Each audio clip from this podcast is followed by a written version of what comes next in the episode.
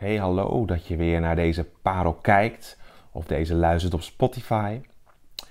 En ik weet niet hoe het voor jou is, maar ehm, ik verbaas me soms wel eens over uh, hoe in onze wereld en in alles wat we doen, alles altijd gaat om uh, de strijd tussen goed en kwaad of goed en fout.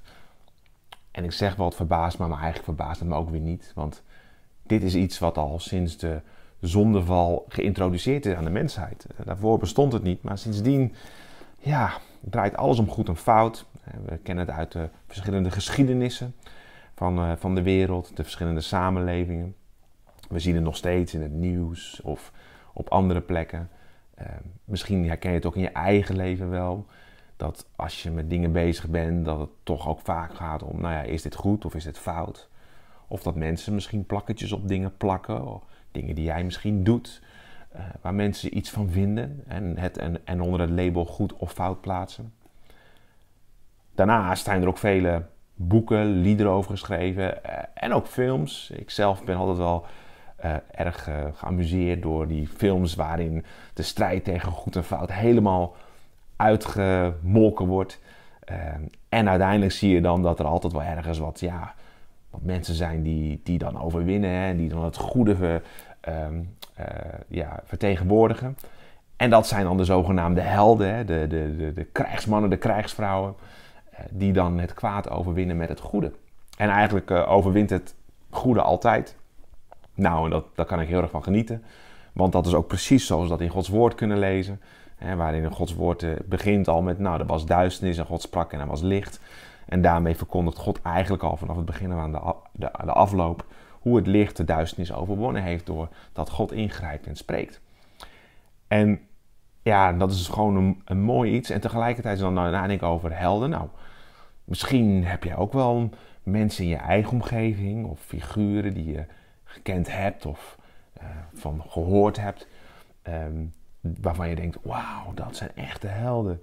Dat zijn mensen die uh, ja, een, een, voorbeeld zijn van hoe je een strijd moet overwinnen of hoe je stand houdt in een strijd of hoe zij uh, omgegaan zijn met omstandigheden in hun leven um, en ja, hoe ze daarin uh, te boven zijn gekomen. Nou, en al daarover nadenken um, bracht me dit bij het verhaal van Gideon in Gods Woord. En dat kunnen we onder andere lezen in het boek uh, Richteren vanaf vers hoofdstuk 6 en 7 en het gaat nog verder. Um, en het gaat over Gideon, misschien ken je het wel, maar wat, eh, op dat moment was het volk van Israël die, die ging ja, gebukt onder de strijd en de druk van uh, de Midianieten en andere volken om hen heen. Wat er gebeurde was dat ze, ze hadden, als ze dan een oogst hadden, dan werd die oogst vernield of werd die ingenomen. En keer op keer kwamen ze terug en al vele jaren stond het volk van Israël ja, onder druk van hun vijanden en de volken om hen heen. Nou, en dan op een gegeven moment komt er een moment in Richteren 6, vers 11. En daar kunnen we lezen dat toen kwam de engel van de Heer en hij nam plaats onder de terebint bij Ofra op het land van Joas, een afstammeling van Abiezer.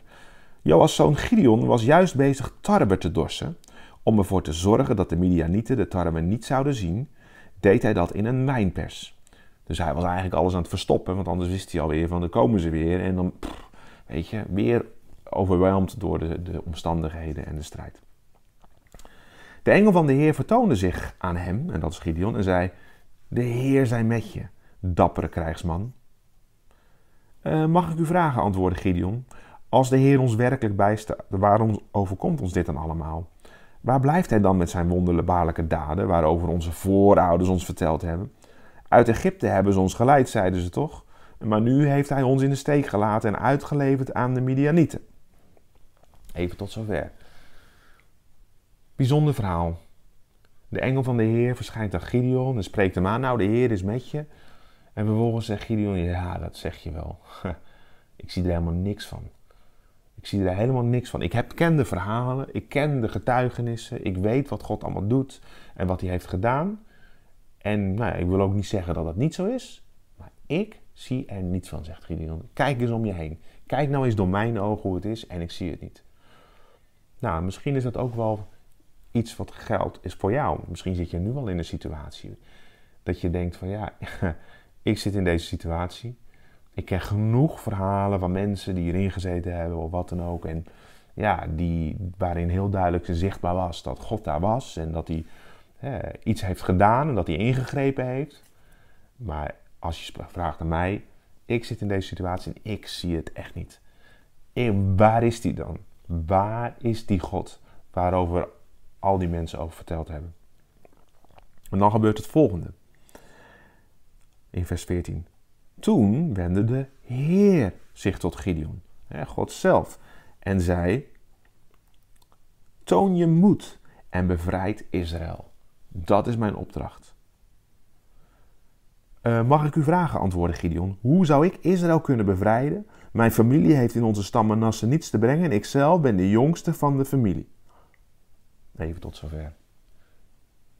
De Heer zelf richt zich tot Gideon en zegt: Toon je moed. En in dit geval om de strijd te overwinnen.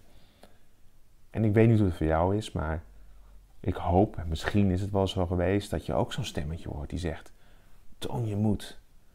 Toon je moed. Hou vol. Ga staan. Uh, ga de situatie tegemoet. Kruip niet weg en probeer het te omzeilen. Nee, ga het face-to-face aan. Ja, en dat is dan Gods geest die dan spreekt. En dan zegt vervolgens hè, de, uh, Gideon, ja dat zeg je wel, maar hoe moet ik dit dan doen? Hoe moet ik dan daar blijven staan? Hoe kan ik dan die overwinning gaan brengen in deze situatie? Hoe ga ik dan het verschil maken? En dan antwoordt de Heer zelf in vers 16. De Heer antwoordde: Dit kun je omdat ik je bijsta. En dan gaat hij zelfs verder: Je zult de Midianieten verslaan alsof je niet meer dat met één man te doen had. Met andere woorden, dat wordt een makkie voor je. Waarom? Omdat ik bij je sta. En ik denk dat dit is iets wat we in onze oren mogen knopen. Dat als je die stem hoort van Gods geest die zegt: toon je moed, wees moedig, wees standvastig, blijf staan. En je afvraagt: ja, maar wie ben ik dan en hoe moet ik dit dan doen en hoe zit dat dan? Dat je dan weet, omdat de Heer zelf zegt: omdat ik je bijsta. Was het hierna allemaal koek en ei voor Gideon? Helemaal niet. Ja, als je het verder leest, het verhaal, dan kom je erachter dat Gideon zegt: Ja, nou, geef me maar een teken dan dat het echt zo is. Want uh, ik weet niet wat ik hiermee aan moet. En vervolgens kwam dat teken en, dan denk je, nou mooi, is het weer helemaal rond, nu gaat het echt verder. Nee, zegt Gideon, ik geloof er nog niks van. Ik wil graag een ander teken. En wederom komt dat teken ook daar. Nou, en uiteindelijk raakt Gideon overtuigd. En kunnen we ook lezen, als we het gaan zien, dan krijgt hij die overwinning ook op een hele bijzondere manier.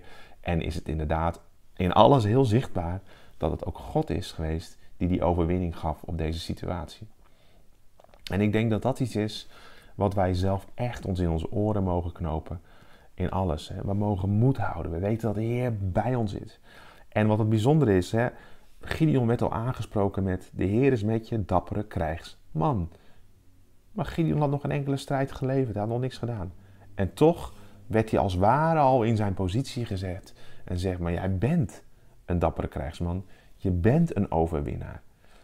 Nou, en ook God zelf, die, die laat ook in zijn woord meerdere malen zien dat hij degene is die de strijd van ons levert. Dat hoeven wij niet zelf te doen. Ook al voelt dat soms wel zo. Er staat ook in Jeremia 20, vers 11, maar de Heer staat mij terzijde als een machtig krijgsman. Het is diezelfde God die nog steeds aan onze zijde staat. Maar als je dan ook nog steeds afvraagt van ja, hoe dan? Hè? Je bent een machtige krijgsman, een machtige krijgsvrouw. Hoe mogen wij dan hierin gaan leven? Hoe mogen wij dat dit ons toe-eigenen? En dan denk ik dat de woorden uit het Nieuwe Testament, uit Romeinen 8, vanaf vers 31, daar een heel mooi antwoord op geeft. Dat zegt namelijk, wat moeten wij hier dan over zeggen? als God toch voor ons is, wie kan er tegen ons zijn? Welke situatie, welke macht, welke, wat het ook is. Als God toch voor je is, en dat is toch zo, wie zal er dan tegen je zijn? Zal Hij die zijn eigen zoon niet heeft gespaard, maar hem omwille van ons allen heeft prijsgegeven, van ons allemaal, dus ook van jou, zal hij ons dan met hem ook niet alles schenken? Wie zal Gods uitverkorenen aanklagen? God zelf spreekt hen vrij. als iemand op jou een plakketje plakt van maar jij bent fout of je bent niet goed genoeg of je, dit klopt niet of wat dan ook, hey, wie zal God uitverkoren aanklagen? God zelf spreekt jou vrij. Wie zal hen veroordelen? Christus Jezus, die gestorven is, meer nog die opgewekt is, zit aan de rechter van de hand van God en hij pleit voor ons. Of vul je eigen naam erin. Hij pleit voor Yunus. Wat zal ons scheiden van de liefde van Christus? Tegenspoed, ellende of vervolging, honger of armoede, gevaar of het zwaard? Er staat geschreven: Om u worden wij dag en nacht gedood en afgevoerd als schapen voor de slacht. Maar wij zegevieren in dit alles glansrijk, dankzij Hem die ons zijn liefde heeft bewezen. Of zoals het in andere vertalingen staat: En in Hem zijn wij meer dan overwinnaars. Want ik ben ervan overtuigd dat nog dood, nog leven, nog engelen, nog machten, nog krachten, nog heden, nog toekomst, nog hoogte, nog diepte, of wat er ook maar in de schepping is, ons zou kunnen scheiden van de liefde van God die Hij ons heeft bewezen in Christus Jezus, onze Heer. En dan denk ik ook, wat voor situatie je ook zit, hoe groot je omstandigheden ook mogen zijn, hoe moeilijk het ook is. En misschien zit je wel op dat moment dat je die omtrekkende beweging maakt, net zoals Gideon deed, die bezig was om het graan te verstoppen, zodat het maar niet van hem afgenomen werd. Dan denk ik dat we die woorden die de engel sprak in eerste instantie, tot Gideon ook jezelf mogen toe-eigenen. Jij mag die ook toe-eigenen. Die zegt, God is met je, dappere krijgsman, dappere krijgsvrouw. En daar waar je zelf twijfelt en waar je denkt, nou, hoe zit het dan? Waar blijft die God? Hoe gaan we dit dan doen? Dan zegt God ook tegen jou, wees moedig, wees standvastig, blijf staan. En als je dan nog steeds afvraagt, hoe kan ik dit overwinnen? Is omdat God zegt, maar ik ben met je en ik zal het doen, want in dit alles zullen wij over, glansrijk overwinnen. Want er is niets wat ons kan scheiden van zijn liefde. Dus hij zal nooit opgeven en hij zal het doen, ook voor jou.